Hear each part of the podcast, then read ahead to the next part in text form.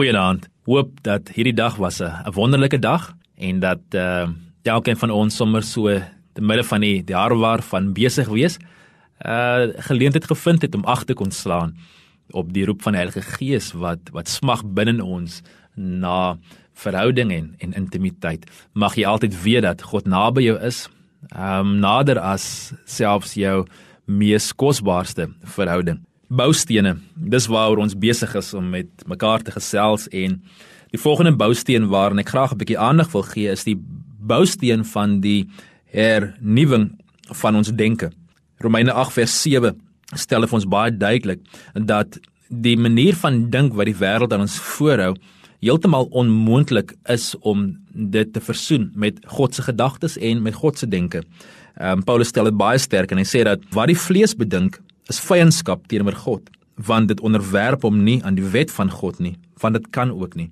Daarom is dit so belangrik vir ons dat wanneer ons dink daaraan dat ons as lewende stene ons roeping en ons doel is om God te verteenwoordig. Dit is nie dat mense na my lewe kyk en moet dink hoe wonderlik Heinrich is of hoe fantasties hy is of wat 'n wonderlike persoon hy is nie. Maar dat wanneer hulle na my kyk, hulle iets omtrent God se hart, iets omtrent God se karakter, wie hy is, wat vir hom belangrik is, hoe hy voel oor dinge, dat hulle dit binne my sal bespeer.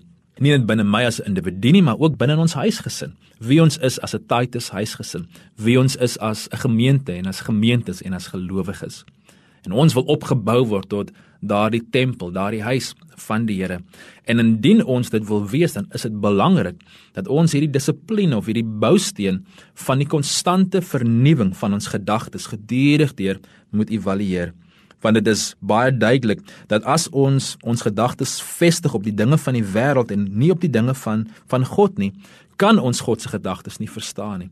Kan ons nie 'n geleier wees van sy hart en van sy passies nie. En dan word ons gedagtes eintlik maar hier konstante uh, slagveld en is ons gewikkel in 'n kombat so wat Paulus sê in 'n stryd tussen God se gedagtes en ons gedagtes. En God wil jy sê dat ons soos wat Paulus sê in Romeine 12 vers 2 nie gelykvormig word aan die wêreld nie maar dat ons verander word deur die vernuwing van ons gemoed sodat ons kan beproef wat die goeie en welgevallige en volmaakte wil van God is So kom ons evalueer weer net so 'n bietjie ons gedagtes. Dalk moet ons dit neerskryf. Ek hou daarvan om dagboek te hou, my gedagtes neer te kan skryf. Dit gee my 'n baie goeie manier om my gedagtes te evalueer en te kyk, is dit wat ek dink, dit waaroor ek droom, dit wat ek bepeins, dit wat my bang maak, dit waarop ek top, is dit deel van God se gedagtes vir my lewe? 'n Bousteen wat onontbeerlik is as 'n fondasie van deel van 'n volwasse Christelike lewe is gedagtes wat onderworpe is aan die gedagtes van God. En die enigste manier om dit te doen is om tyd in sy teenwoordigheid en tyd in sy woord te spandeer.